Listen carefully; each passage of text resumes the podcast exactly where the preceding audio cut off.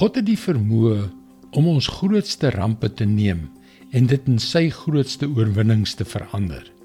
En daar is geen groter ramp in die geskiedenis van die mensdom as die lewelose liggaam van Jesus wat aan die kruis hang nie. Hallo, ek is Jockey Gouchee vir Bernie Diamond en welkom weer by Vars. Wat is die grootste ramp wat jou nog ooit getref het? Daardie een gebeurtenis wat jou amper verpletter het. Miskien is jy selfs nou in daardie moordende situasie. Kom ons kyk na Johannes 16 vers 19 en 20. Jesus het agtergekom dat hulle hom daaroor wou uitvra en hy sê toe vir hulle: "Probeer julle onder mekaar agterkom wat ek bedoel het met nog 'n kort tydjie dan sien julle my nie en weer 'n kort tydjie dan sal julle my weer sien." Ek verseker julle, julle sal huil en treur, maar die wêreld sal juig. Julle sal baie hartseer wees, maar julle hartseer sal in blydskap verander.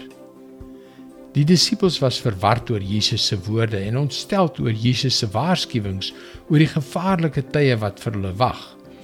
Hulle was bang nie net oor die wete dat hulle geliefde Jesus gekruisig sou word nie, maar die feit dat Jesus hulle vertel het dat hulle self ook ter wille van hom doodgemaak sou word.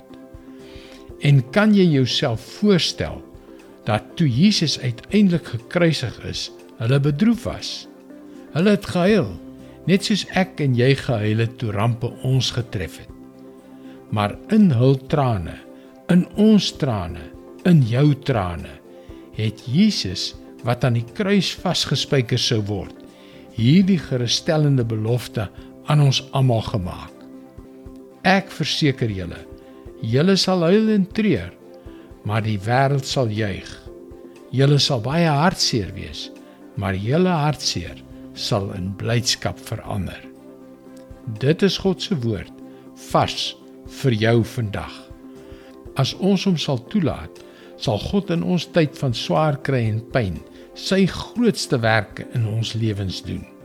En weet jy die enigste soort gebed waarvan die Bybel ons leer, is die soort wat kragtige resultate het. Ons sal baie graag saam met jou bid.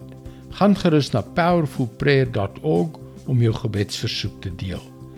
Mooi loop en luister weer môre op jou gunstelingstasie na nog 'n vars boodskap.